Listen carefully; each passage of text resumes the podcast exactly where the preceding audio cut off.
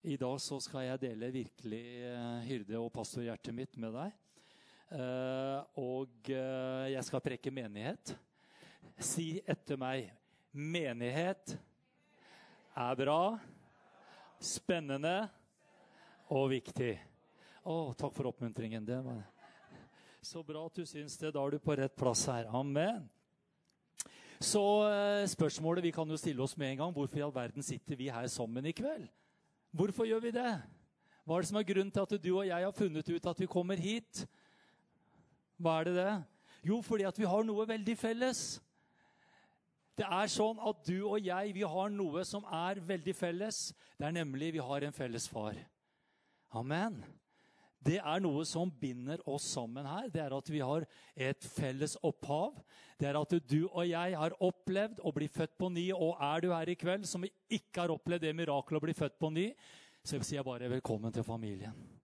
For det er akkurat det vi er. Vi er en helt ny, overnaturlig familie satt sammen si, ikke ut ifra valg eller kriterier, men ut ifra at vi har et felles opphav. Amen.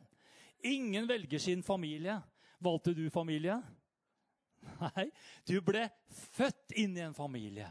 Og det er akkurat det som Guds menighet er. Det er noe ikke bare som vi velger eller som vi tenker ut, det er noe vi blir født inn i. Og det skjer den dagen vi tar imot Jesus Kristus og får Gud til vår far. Er ikke det herlig? Det står i Efeserne 2,19. Et veldig herlig vers. Der står det Derfor er dere ikke lenger fremmede og utlendinger. Så står det nei, dere er de helliges medborgere. Og så står det i 1911-oversettelsen og Guds familie, eller Guds husfolk. Nei, dere er de helliges medborgere og Guds familie. Amen. Så jeg bare sier velkommen til familien. Amen.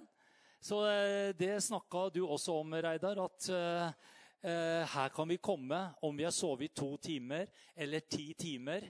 Om du er halvt og blind, sterk og svak, hva du enn er. vet du hva? Familien er et sted hvor vi alltid kan komme. Og Sånn er det i Guds familie også. Er ikke det herlig? Amen. Men så er det jo sånn da at uh, en familie består jo som regel da av flere generasjoner. Og nå begynner det å bli spennende, skjønner du. Oi, oi, oi. Vet du hva? Jeg hadde et sånt privilegium å få lov til å vokse, vek, eh, vokse opp i mine først, første seks leveår i en generasjonsbolig. Jeg kom på det i dag, at jeg hadde gleden av å vokse opp i en generasjonsbolig. Der bodde jeg med mor og far i annen etasje. Eh, over eh, første etasje, selvfølgelig. Og der bodde mine besteforeldre så eh, er det tre generasjoner samla under ett tak eller på samme tun, så er det en generasjonsbolig. Er ikke det flott? Og der vokste jeg opp i mine seks første leveår. Så var uh, faren min litt heit på grøten, så nummer to kom da samme, altså året etter på samme måned. Og da var det veldig greit at vi hadde en generasjonsbolig hvor bestemor gikk opp og henta ned den eldste sønnen og bærte han ned i håndkle og inn der. Og det var, det var, det var storveis. Jeg har så utrolig mange gode minner, og jeg er så takknemlig at jeg fikk mine seks første år i en generasjonsbolig. Er ikke det bra? Eh, og her er, vi, her er vi fire generasjoner. Forhåpentligvis fire generasjoner.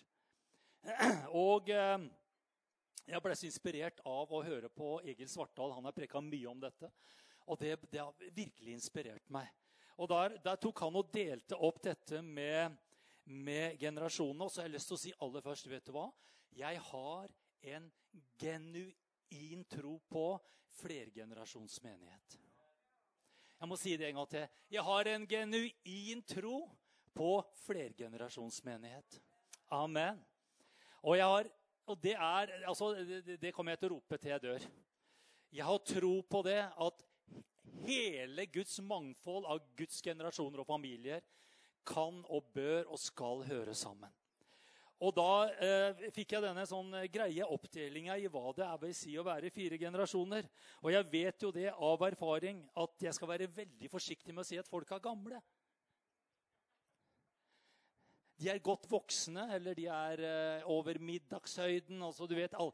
Men som jeg, jeg pleier å si det jeg, nå, nå blir jeg 60 neste år. Da vil jeg bli kalt eldre. Det er jo en hedersbetegnelse. Gammel, ok, helt greit. Sier jeg gammel, men vet du hva? Det er jo helt fantastisk. Vi blir jo alle, alle blir jo gamle. Forhåpentligvis. Alternativet er jo bare så mye verre. Ja, Eller bare bedre da, hjem til Herren, eller hva det er. Altså, men, men vet du hva? Jeg syns det er helt nydelig når jeg gikk inn som pastor her når jeg var 32. Jeg gleda meg når jeg ble, kunne si jeg var 40, og når jeg er 50 år. tenkte jeg, Da har jeg mer tyngde, mer erfaring, mer liv. Mer, altså, jeg tenkte det er bare fordel. Amen. Litt mer rynke, litt mer sånn what's so. Men vet du hva? Jeg levd liv. Å, mer pondus, forhåpentligvis. Altså, vi, vi får noen tyngde med oss ved at vi begynner å bli gamle. Det er herlig Si en til etter meg. Det er herlig å bli gammel. Hvorfor sa du ikke noe, Elisabeth? Jeg så deg. Gud og jeg så deg. Ja, dere jobber med pondusen, ja. Nei, vet du hva?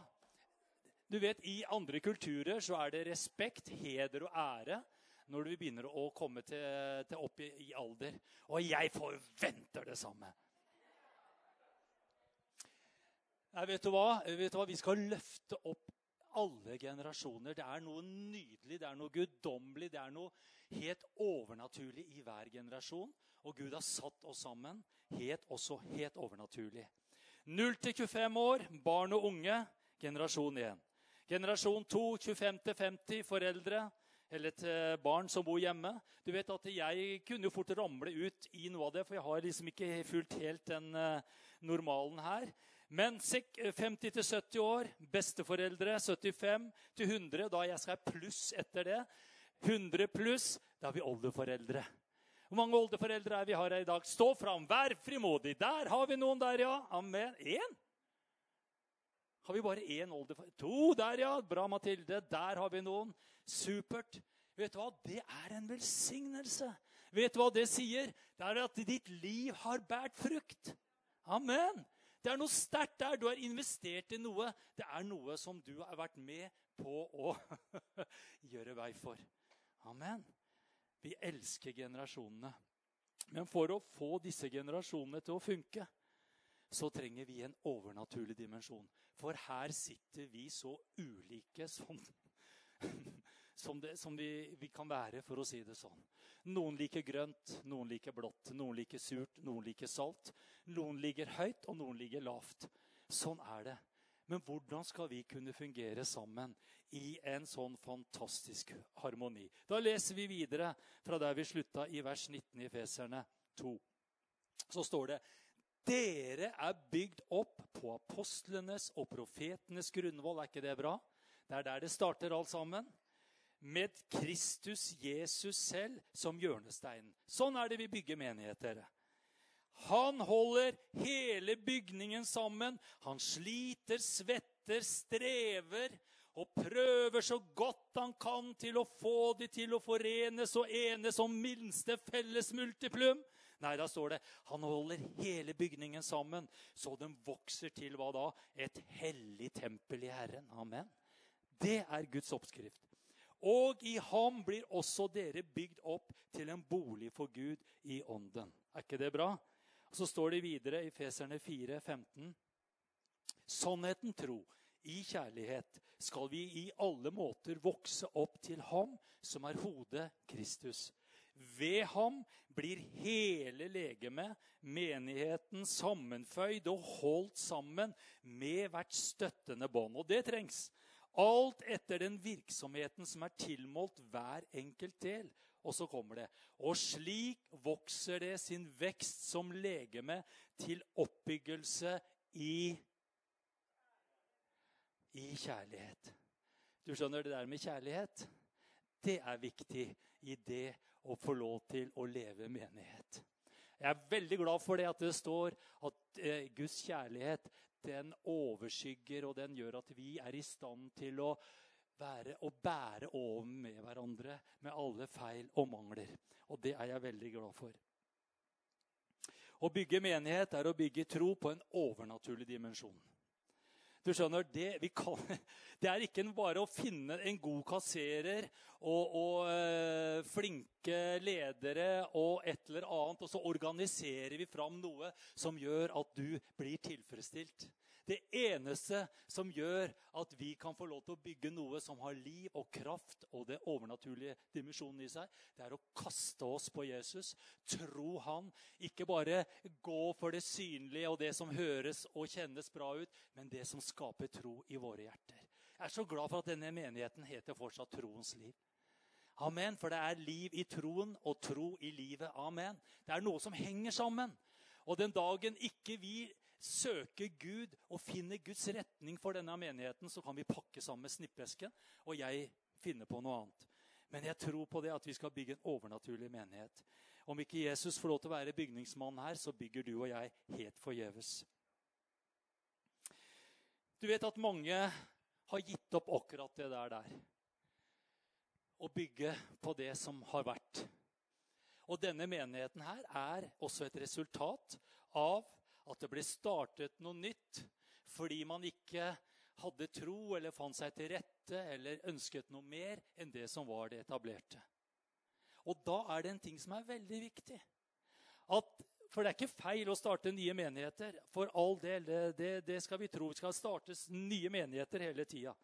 Men eh, det må ikke skje ut ifra et oppgjør, opprør, misnøye med det gamle og bestående, men det må bygge på en himmelsk visjon, født i tro, styrket ved Den hellige ånd. Det var så viktig for meg når jeg gikk inn som pastor her for uh, to og et halvt år siden. eller noe sånt, det var noe der. Uh, men, men, da var det så viktig for meg å vite at denne menigheten var genuint født ifra Guds hjerte. Hvis ikke så var det ikke sånn, Jeg hadde ikke tort å rørt den med ildtang med mine hender. Jeg ville ikke hatt noe med det. Jeg hadde ikke tort. Jeg måtte vite Gud, er dette en overnaturlig fødsel, en vilje ut ifra ditt hjerte. Og når jeg bare, og jeg visste jo det egentlig, men når Gud bare konfirmerte og stadfesta det i meg, vet du hva, det ga meg en trygghet og en tro. vet du hva? Der hvor du er bygningsmann, Jesus, det du har starta, Gud, det vil jeg være med på. Amen. Det er så viktig, for da kjente jeg den, det er tro, altså. Jeg vil være med å bygge din menighet i tro til deg i en overnaturlig dimensjon. Halleluja. Og så starta jo denne menigheten. Jeg var jo ikke med helt fra starten av. Jeg kom inn i 92, og den ble starta rett etter 17. mai-feiring i 91. Eh, og i en nystarta menighet så er det eh, nå var det, Jeg vil takke Gud for det. Så var det egentlig flergenerasjons menighet med en gang. Trons liv. Eh, og det er veldig takknemlig. Var det Fra første startskudd så hadde vi liksom alle fire generasjonene representert. Det er ikke så ofte. Jeg ser i dag at Når man starter menigheter, så er de enda mer homogene, ensarta. Det er liksom samme generasjon som finner sammen med det samme uttrykket, den samme kulturen, samme plass i livet. Og vi kjenner her er det deilig. Ingen konflikter. Alle liker den samme musikken. Alle liker det samme lyset. Alle liker det samme. Det er jo så nydelig! Det er ingen som kommer her og forstyrrer oss i vår tilbedelse, og vi kan gjøre akkurat Skjønner du? Det er så deilig. når vi, å, Det var så mange av de der surpumpene der, og de som var imot her, og generasjonen over og under, og jeg vet ikke hva. Nå er det frihet. Men tida går. Og denne frihetselskende, homogene forsamlingen begynner snart så bli også en generasjonsforsamling. Og mannen ville fra nissen flytte, men reisen ble ham til ingen nytte. Vi var litt sånn på sted og stand i dag, så passa jo bra inn. For høyt på nei, vognlassen nissen lo, jeg tror vi flytter i dag, vi to. Du skjønner, hvis det er at Jeg tenkte det var så ubehagelig, og det var så mange mot, det var så motstand. det var veldig sånn, Og jeg ble så konfrontert, og det var så mye uenigheter, og vi fant ikke fram og alt mulig. Vet du hva? Bare vær litt, noen år i den nye menigheten, så kommer akkurat det samme vognlasset inn der også. Vet du hva? Det er mye bedre å si 'Gud i himmelen'. Om dette er det du har ment om å være og bygge menighet, så skal jeg stå i det i Jesu navn. For jeg vet at din kjærlighet, som er utøst og utgitt i mitt hjerte, gjør at jeg kan møte de som mener og tykker og vil noe annet enn meg, vet du hva? Vet du hva? De kan jeg møte med en overbærenhet og kjærlighet. Amen. Det er sånn Gud vil at vi skal gjøre det. Ikke rømme unna og finne enklest mulig motstandsvei.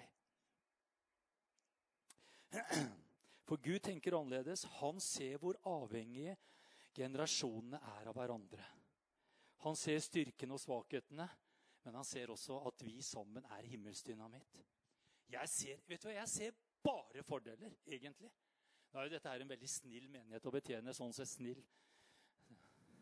Grei, hyggelig, stort sett. Men vet du hva? Det fins ikke en familie, og i hvert fall ikke fire generasjoner, hvor ikke det blir gnisninger. uh. Come on. Vi må være ærlige, dere. Du ser, nå, ser du, nå sitter du bare og smiler, og du ser veldig, du ser veldig tilforlatelig ut. Yndig, skjønn og pen. Men vet du hva? Det er så fort gjort. Det er vel ingen steder du har de hissigste diskusjonene, de kraftigste sammenstøtene, som i din egen familie. Er det det? Og vet du hvorfor det? Fordi det er så mye av deg som er involvert og investert der. ikke sant? Det betyr så mye. Om jeg går bort og sier til noe til en vilt fremmed person der ute, så betyr ikke det så mye som om det var faren som sa akkurat det samme. skjønner du? Det er noe her som gjør at det blir litt annerledes. Vi er familie. Amen. Men det er ingen steder vi heller har større glede, kjærlighet, overbærenhet og trygghet. Bør i hvert fall være. Ikke alle har opplevd det, men det er Guds plan og mening som nettopp i familien. Komme inn der og kjenne at vi er elsket, ikke først og fremst på alt hva vi gjør, men for den vi er. Og så er det jo viktig da, at vi alle sammen tar en bestemmelse. at vi vil være med og bygge morgendagens menighet. Jeg har sagt det her noen ganger, og jeg sier det igjen. Når Gud var på meg vet du, og ville at vi skulle dra opp teltpluggene våre og flytte opp her til Lyngbakken, så var det et så stort fjell at jeg forklarte Gud inderlig godt at det var for mye. Og jeg opplevde kanskje da helt med en gang at Gud var veldig enig med meg at det blei for mye. Eh, Men så merka jeg jo etter hvert at han ga seg ikke. Og jeg forklarte ja, men Gud, vi betaler 30 000. Og den gangen snakka vi, vi på slutten av 90-tallet hver måned for å leie der nede. Og så skal vi kjøpe her til millionen. Gud, det, det går ikke. Og så hadde jeg et veldig godt argument nummer to. Og Gud, nå vet du hvilken stormer vi har vært igjennom som menighet. Du har sett prøvelsen, og du har sett hvor mye det har vært, Herre. Så jeg takker deg for Jeg vet, Gud, at nå ønsker du å trygge oss, Herre. Du ønsker å skape fred, harmoni og ro i hjemmet, Herre. Jeg takker deg for at vi trenger ikke noe mer utfordringer og masse prøvelser og sånn for det, Gud. Takker deg for det. Amen. Veldig lite bønnesvar på det. Det var veldig stille. Og Gud bare, Gud bare minte på igjen og igjen. Du skjønner det derre at når Gud taler til oss, når vi blir utfordra, når vi kjenner det er faktisk noe her som, som, som uh, beveger seg Kjenne tro, altså. Så kan det skrike mot omstendighetene. Vet du hva? Det er uh, Når vi skal bygge morgendagens menighet, så kan jeg få love deg en ting. Det blir ikke veldig stille. Det kan bli brytninger, det kan bli motsetninger, det kan bli avskallinger. Det kan bli veldig mye. Fordi at vi er så glad i det bestående, i det trygge og i det kjente. Men vet du hva? Jeg kjenner at jeg lever i en tid av forandring. Jeg kjenner jeg lever i en tid hvor jeg bare er desperat etter å si Gud. Jeg vil ha det som du har. Jeg vil ha det som du tenker. Jeg vil gå inn i det som er din morgendag. Ingen kjenner den. I dag er Herren, men det fins noe der framme. Vi lever som Jesus aldri skulle komme tilbake, og vi lever som han skulle komme igjen nå. Skjønner du? Men vi, vi må strekke oss der. Amen. Jeg har skrevet en veldig fin setning.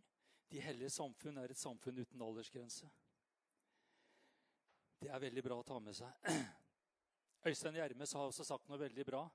Han, sa, han sier så følgende Der vi er, er ikke dit vi skal. Og det du ser nå, er ikke det som kommer til å bli. Jeg leser det en gang til. Der vi er, er ikke dit vi skal. Og det du nå ser, og, og det du ser nå, er ikke det som kommer til å bli. Forandring er det eneste som er konstant. Amen. Du vet, jeg, eh, jeg tok en utfordring for snart et år siden. Og tenkte Jeg ble utfordra. Er du klar for en forandring, Runar? Og jeg tenkte jeg er klar for en forandring. Ja, OK, tar du forandringen, betaler vi. Og sånn er det Gud også sier. Er du villig til å ta forandringen, betaler jeg, sier Gud. Amen. Han gjør det. Ja, så fikk jeg hår på huet, da. Og jeg lo, og jeg syntes det var veldig artig fram til ca. to uker før, det egentlig skulle skje. Og så tenkte jeg Gud i himmelen, hva har det jeg funnet på? Å, kjære Gud i himmelen, her blir, det, her blir det forandring. Her blir det mange meninger. Her kommer folk til å, Og det har jeg opplevd. Noen syns det er så fint, noen syns det er så stygt, noen syns ikke noen ting. Og det er helt greit. Men alle har en oppfatning av noe. Vet du hva jeg kjente? Jeg har sagt nei til så mange utfordringer. Og så mange sånne ting. For jeg liksom tenkte jeg må ta hensyn og må ta hensyn og må ta hensyn. og må ta hensyn. Vet du hva? Det er slutt å ta så veldig av de hensyna. Jeg kjenner det er frihet i Jesu navn. Det er fri til å legge på, det er fri til å ta av. Sånn vil jeg ha det. Amen. er det inni sånt eller? Men vet du hva jeg kjenner? Det koster å gjøre forandring. Jeg begynte med latter, og jeg bare tenkte kjære Gud. Og jeg har hatt så mange rare opplevelser, dere. Det vil ikke tro hvor mye rart jeg har opplevd på disse månedene. Hvor jeg har fått, mange, jeg har fått mange mannebetroelser også, det kan jeg love deg. Og jeg har fått mange sånn Har du sett jeg har? Jeg har også. Altså, Det er veldig mye som blir, kommer fram i lyset. Men, men, jeg må bare si en ting. vet du hva? Det å gjøre forandring Det høres så nydelig ut når jeg bare sier 'Å, vi vil ha forandring'. Ja, sleng på deg hår, eller dra deg hår, eller gjør et eller annet, så skal du jo kjenne at det koster litt med forandring. Yes! Men du, så gøy det er. Ja, tenk om jeg hadde rast inn perleporten og så sier Gud, 'Hvorfor i all verden tok du ikke imot det der flotte tilbudet jeg ga deg om det håret?' Du hadde kunnet hatt så mye gøy med det. Det er jo så flott. Nei, Gud, jeg syns det blei litt for utfordrende. Hår er utfordrende. Tenk på alt det andre som er mye mer utfordrende enn det. Tenk på hva som er i ditt liv. Ikke sant? Vet du hva? Jeg bare tenker, vet du hva? Ja. Menigheten her starta i 91. Jeg har vært pastor siden 96. Siden 96 til 2022 så har det skjedd en del ting der. Eh, mange nye mennesker. De, mange av de andre Jeg har hatt en del begravelser, dessverre, men det er en del av livets gang. Mennesker har kommet, mennesker har gått. Det er en ganske annerledes forsamling her i dag enn det var i 96. Det er, det er, det er helt sant. Men én ting kan jeg love deg, garantert. Det er at i de neste åtte til ti år så vil det skje mange større forandringer her enn det er gjort på de 20-22-25 åra til sammen. Jeg bare sier det. Du må bare forberede deg. Og blir du grinete og sur på det, så kan du gå til Jesus med det. Eller be om en samtale med meg, eller hva det er. Men vet du hva? jeg kan bare garantere deg at det kommer til å skje forandringer her. Ja, hvor skal vi gjøre forandringer for forandringenes skyld? Nei, vi skal være midt i Guds sesong med vår menighet og våre liv. Amen. Det fins sesonger, skjønner du. Og jeg har sagt til Gud at mitt kall er ikke å søke dine hender, sånn at jeg kan få lov til å gjøre mest mulig med og for deg. Mitt kall er å søke ditt ansikt. Amen. Mitt kall er ikke først og fremst å være pastor til evig tid, selv om noen syns det virker sånn. Mitt kall er å leve midt i Guds strøm og Guds plan med mitt liv. Amen. Vet du hva? Jeg kan eh, signere i morgen og overlate den pinnen til en annen, om det så skulle være Guds vilje. Ja, Det høres lett ut å si det nå, men vet du hva jeg kjenner? Sånn vil jeg leve. Jeg vil leve som om Gud kommer til meg i dag og sier Runar, reis til Kina. Runar blir søppelkjører. Runar uh, et eller annet, så vil jeg kjenne Yes, sir. Men da har Gud forberedt noe allerede. Å Gud, jeg bare overlater, alle forberedelser, forberedelser, til deg. Gjør mirakler i menneskets hjerte og bare gjør de klare når, når tiden er inne, Gud. Så sier Herren, det er jeg som har bedt deg og dere å fostre den neste generasjonen til å ta over og bygge Guds menighet videre. Amen. Og vet du hva jeg kjenner sterkere enn noen gang? Jeg vil være på den plassen hvor jeg løper i min idrettsbane. Men du vet at vi er så opptatt av våre løp. Men jeg, kan, jeg, skal fortelle deg en liten hemmelighet. Du skjønner at i din løpebane litt lenger der framme så står det et nytt menneske. Og venter på at du skal overlevere en stafettpinne. Sånn at et nytt menneske skal begynne å løpe i sin løpebane. Og vet du hva jeg kjenner? Jeg kjenner så i dypet av mitt hjerte at jeg løper ikke lenger min egen lille banehalvdel, og Herren står og heier på meg. Og det er en gedigen tribune i himmelen som heier også. Men vet du hva? De heier på noe mer. For de heier på den som skal overta et eller annet der framme. Amen. Ikke snakk sånn, Runa. Jeg syns det er så trygt og godt. Du skal alltid være her, Runa, for det har du alltid vært. Eneste jeg kan love deg, er at det kommer aldri til å skje. Enten så kommer Jesus hjem, eller så reiser jeg hjem til Jesus. Eller så håper jeg, og det er min bønn, at Gud har en ny sesong for meg i mitt liv et eller annet sted. Om jeg skal dø og reise hjem til Jesus som pastor, so let it be.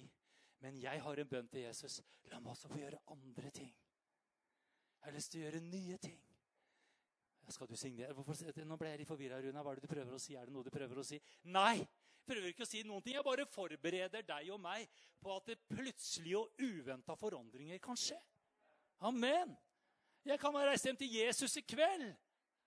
Åssen skal det gå med menigheten da? Den menigheten har bevist at det kommer til å gå meget bra. Den er født av Gud. Amen.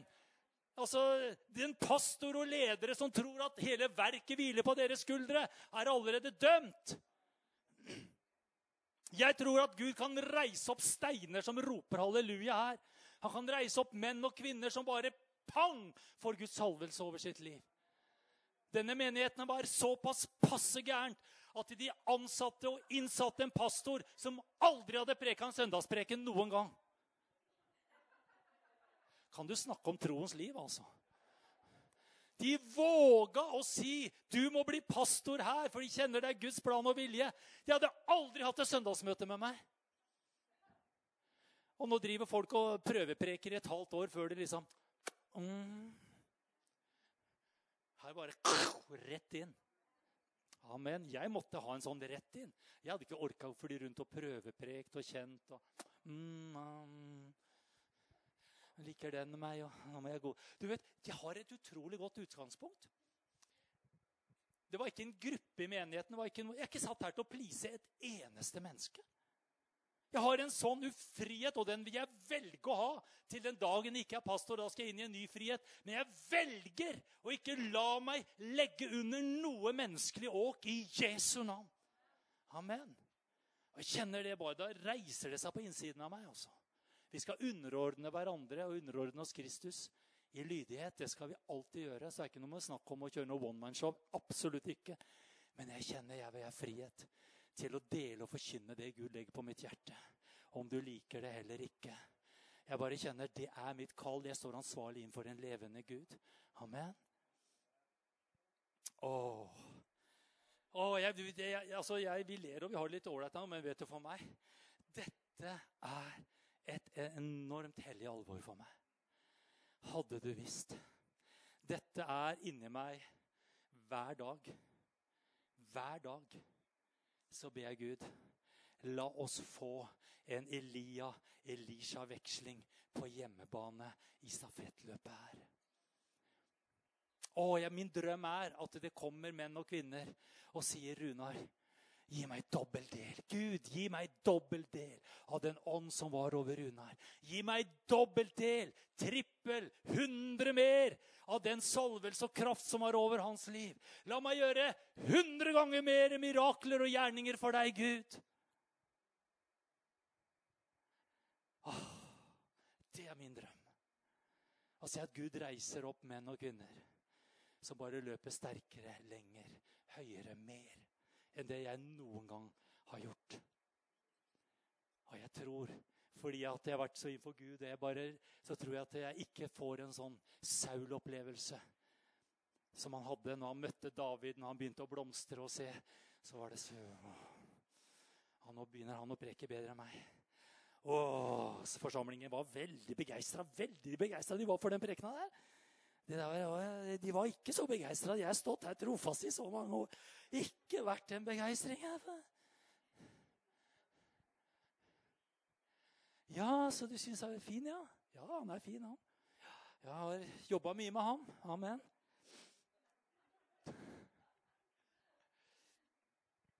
Det var sjalusi, det var stolthet, og det var frykt. Ikke sant? Det ble en veldig dårlig veksling. Stafettpinnen den, den blei dårlig, altså.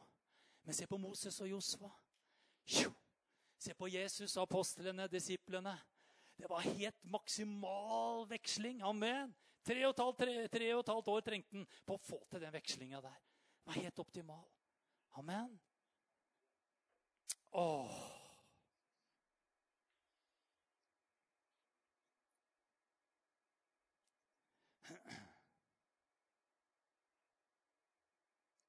Det var en hel side ned. Dette er ikke sugd fra eget bryst, men uh, jeg syns det er en veldig fin uh, uttalelse. I en flergenerasjonsmenighet som vi er her på Troens Liv, er alle mennesker like viktige. Men hør Men for hver generasjon er den neste generasjonen den viktigste. Skal den en gang til. I en flergenerasjonsmenighet er alle mennesker like viktige. Det er viktig å si. Men for hver generasjon er den neste generasjon den viktigste. Og vet du hva? Det, det, det, bare, det bare, ringer inni meg. altså. Alle er like viktige, men for oss alle så er det den neste generasjonen den viktigste. Som åndelige mødre og fedre vil vi ikke bare gi neste generasjon det beste vi har. Men vi er også villige til å ta det verste de har. Er du villig til det?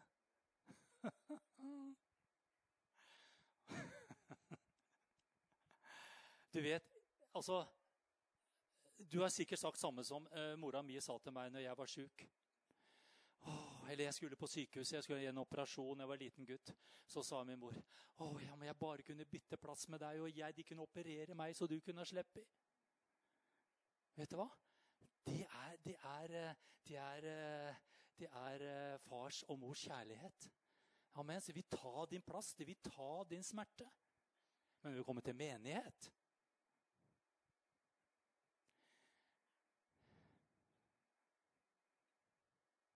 Hvor villige er vi da? Jeg vet dette betyr mye for deg, men det betyr mye for meg også. Dette er veldig viktig for meg. Ja, dette er en prinsippsak, rett og slett. Snakker vi sånn i familien? Mm -mm. Vet du hva, der er den derre 'om jeg bare kan'. Er det viktig for deg? Vet du hva, Jeg lever ikke lenge selv. Det livet jeg nå lever, det lever jeg i troen på ham. Du vet, Om vi kunne være litt mer døde alle sammen, så hadde det vært veldig, veldig jeg å si mer stille. Men da kunne i hvert fall Gud få lov til å gjort enda mye mer. Amen. Vi er en flergenerasjonsmenighet, og jeg, som jeg sier, jeg tror den tida som ligger foran nå, er veldig, veldig viktig. Nettopp, Så dette her er en veldig pastoral, jeg vil si litt profetisk, hyrdepreken som må prekes. Og på å si det er bare jeg som kunne ha prekt den. Hovmod står for fall, men det er ikke noe med det å gjøre. Men det har, at Gud har satt meg her Jeg må preke denne preken her, skjønner du.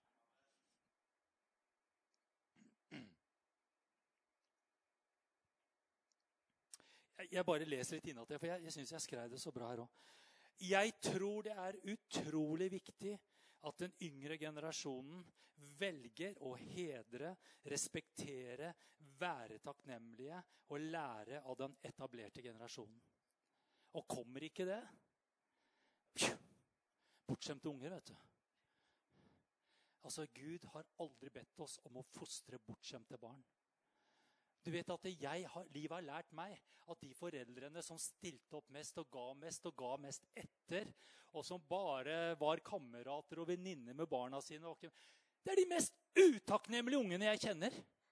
De er så frekke og opprørske og utakknemlige. Og jeg blir helt fortvila, for jeg ser mor og far de er kjørt, og de er stilt opp, og de er åpna opp, og de har gjort alt mulig. Det har ikke vært noe fostring der.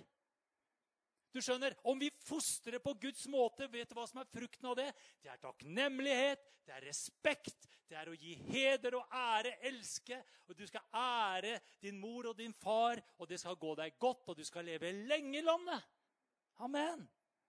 Du skjønner, det er, det er noe som skjer ved å fostre på Guds måte.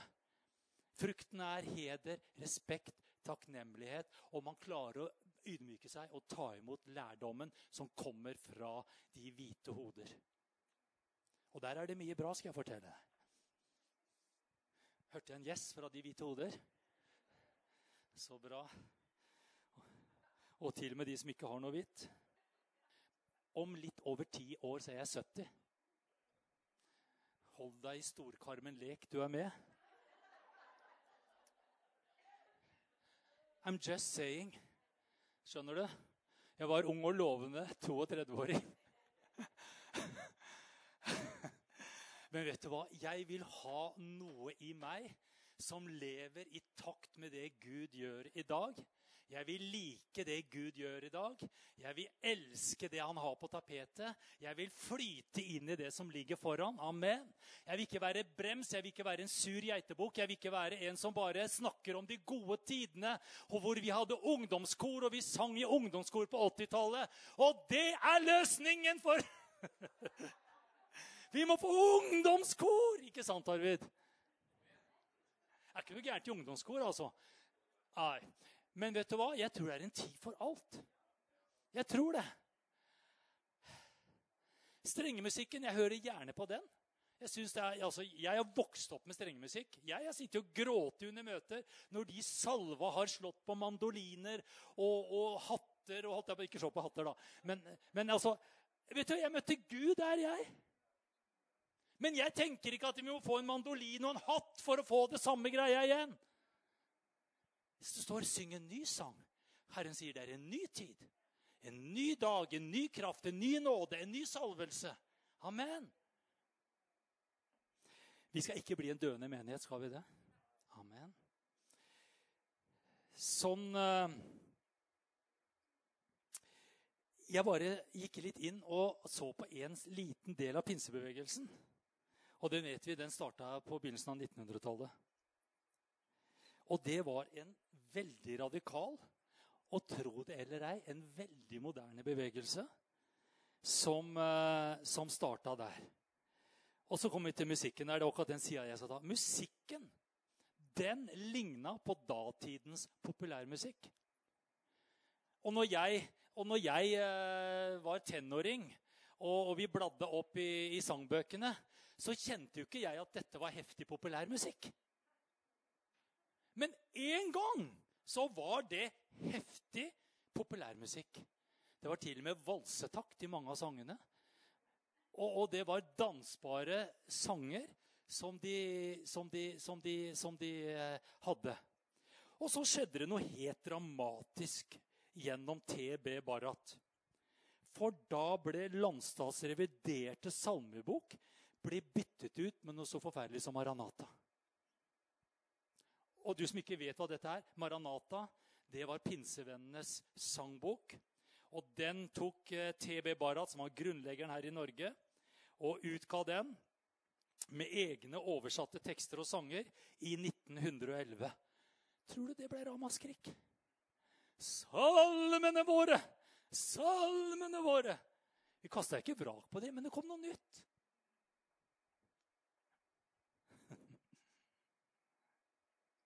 Og så er jeg såpass gammel, for den varte jo helt til jeg var ung gutt. Så jeg husker jo veldig godt når Maranata-sangboka ble revidert. Er det noen av dere som husker det? I 1979 så ble Maranata revidert. Og da fikk vi evangelietoner. Og det var en hel generasjon som gikk i sorg. For favorittsangen ble borte. Det sterke Maranata, Maranata ble borte. Evangelietoner var ingenting. Mine besteforeldre gikk inn i en dyp sorg. De er rørt ved sangskatten vår. Da kunne noen hviske det i øret. Det var noen som rørte ved den sangskatten i 1911 også. Noen som kunne hviska de i øret. Det kommer til å bli fortsatt rørt ved de sangskattene. De blir ikke begravet, men det kommer nye ting. Så kom jo Evangeliesenteret på banen. Og da fikk vi Senterboka med litt oppgraderte, nyere, friskere sanger. Før det så fikk vi Åge Samuelsen 'Siljerein' både, både grønn og blå. Og Det var jo nesten bannlyst enkelte steder, men der var det også mye herlig trekk og sang vet du, i Åge Samuelsen. Bare snakk med Henning Breivik, så får du god innføring i det. Men så kom denne senterboka da, som vi hadde på teltmøter og i litt mer friere sammenhenger og på leirer og sånn. Og det var ikke alle som syntes også var like populært. Hvorfor kan de ikke ha denne evangelietoner der også? Men så skjedde det noe helt grusomt på 80-tallet. Alle sangbøkene ble lagt bort. Og vi fikk noe som het overhead. Dere, kan, dere som ikke vet det, dere kan google det. Og Der ble det skrevet med sprittusj på gjennomsiktige plastark. Og så ble det plassert en stor, bråkete og forstyrrende maskin med et grusomt sterkt lys helt foran i lokalet. Den trakk jo all oppmerksomheten. Hvor var Jesus? Det er helt umulig å lese det der. Det er så sterkt lys, jeg ser ikke hva som står. Hvorfor kan, ikke, hvorfor kan vi ikke bruke disse sangbøkene? Og så sier de jo, vi kunne bruke sangbøker. Både første og revidert og alt mulig. Det er ingen, ingen, feil i det. Men du skjønner, det er gjennom hele historien vært motstand på motstand på motstand fordi at vi tror at det er bare det bestående som skal bestå i all evighet. Det er bare Gud og Guds ord som skal gjøre det. Amen. Så det som var så flott med denne plastikkfolien vi kunne skrive på, det var at når f.eks. Arvid fikk en ny sang, så kunne han bare sitte da nede i salen og så bare skrive den ned på en plastfolie. Smekke den på overheden. Og der var den utgitt. Amen! Det var et mirakel. Det var helt ferskt. Det var sterkt. Det ble skrevet der og da. Og så fikk vi servert nesten nye sanger hvert møte. Noen syntes det var fryktelig slitsomt. Og så begynte vi å synge gjentagende og repeterende lovsangskor igjen og igjen. Og jeg hørte voksne, den eh, litt eldre generasjonen si 'Kommer det mer lovsang nå, så spyr jeg'. Helt sant, det hørte jeg. hørte flere ganger. Og så ble overheden bytta ut med videokanon. Og sangene ble lagret og vist digitalt. Så det er der vi er i dag. Og så tenker jeg, hva blir det neste? Jeg er med. Jeg er med. Glory Jesus. Det spiller ingen rolle. Jeg kan synge landstadsreviderte, jeg kan synge Maranata-sanger, jeg kan synge Siljerein, evangelietoner, skibolett, whatever. Og jeg kan synge fra videokanoner og alt mulig. Vet du hva? Det viktigste for meg det er i Gud, ledet av Den hellige ånd, sånn som du sa. Vet du hva? Vi søker Gud, og så gir han oss sanger om de er gamle eller nye, eller hva det er, spiller ingen rolle. Bare det er ferskt ifra himmelen. Amen. Å, hvor herlig det var når vi sang en av de gamle sangene i dag. Jeg bare kjente den ble helt ny. Jeg kunne gi meg helt med hele hjertet mitt. Amen. Men vet du hva? vi skal bare være med. Når vi kjenner Gud ruller, så bare ruller vi med. Vi bare kjenner Gud. Jeg vil være i takt. Jeg vil kjenne dine pulsslag. Jeg vil vet, Jeg gikk gjennom spillelista mi på Spotify. Og vet du hva? Jeg blei ble litt glad. Den gamleste sangen der, når den var det, altså, jeg, bare, jeg har sagt til Gud jeg vil like det som du liker akkurat i 2022. Jeg vil, jeg vil elske det du gjør nå. Jeg vil ha de ferskeste, nyeste, herligste sangene. Flere av de passer ikke min stil engang. Noen av de er litt for harde. Jeg syns ikke jeg liker annen type musikk. Men det bryr meg ingenting om, fordi tekstene treffer meg midt i hjertet. Det rocker så det er helt sånn, men jeg bare kjenner Å, Gud! Jeg blir berørt av deg i den sangen. Du taler til meg i den teksten. Det er en ny sang for en ny tid. Amen. Alt som gjør at neste generasjon kjenner at dette er min familie, dette er min menighet. Sånn menighet vil jeg være med å bygge. Og jeg vil bygge en menighet hvor jeg og min generasjon, og gjerne eldre, går inn og er med og støtter og bygger for det som ligger foran. Jeg lengter etter å se de yngre generasjonene gå inn og tjener, får eierskap, for så å ta lederskap. Amen. Vi har mista en hel generasjon her i, vår menighet, vil jeg påstå. Jeg har en bønn i mitt hjerte. La ikke min stil og smak, mine meninger og oppfatninger bli et hinder for det som ligger foran. Jeg vil bare stille spørsmål. Vi har fått masse flotte lys her. Tror du jeg har gått rundt og bedt Å, Herre. Jeg bare lengter etter mer lys. Sånn fine lys, Gud. Å, jeg vil bare ha mer lys, Herre. Å, Gud, du vet, jeg lengter etter en røykmaskin. Alltid drømt om en røykmaskin etter jeg så Carola fanget av en stormvind. Kanskje vi skal få sånn stor flekk som blåser også. jeg vet ikke. Skjønner du? Vet du, Jeg kan fortelle deg en liten hemmelighet. Jeg har aldri hatt behov for det. Aldri drømt om det. Aldri kjent at det er viktig for meg. Men vet du hva jeg er veldig glad for? Det var at noen som var villig til å ta kampen for den overheaden for meg. For jeg syns det hadde blitt litt tråkig hvis jeg bare skulle sitte med evangelietoner 15, 16, 17, jeg var 18, jeg var 19, jeg var 20, jeg var 25, jeg var 30. At jeg fortsatt, Vi brukte 1930-oversettelsen 'Tie det vederstyggelige'. Jeg er veldig glad for at noen valgte å gjøre forandringer som samstemte med der jeg var i mitt liv. Og vet du hva? Hvis lys og røykmaskin og whatever er viktig for neste generasjon, så er jeg med. Jeg bare sier Hvis det er viktig, så er jeg med. Og jeg er villig til å ta den fighten. Absolutt. Ikke for at det, der Det ligger ikke noe helliggjørelse eller noe vekkelse. Eller, det er ikke det jeg sier. Men vi snakker familie. Du er sånn for ungene dine. Du vil jo at de skal ha det beste. Gjør du ikke det?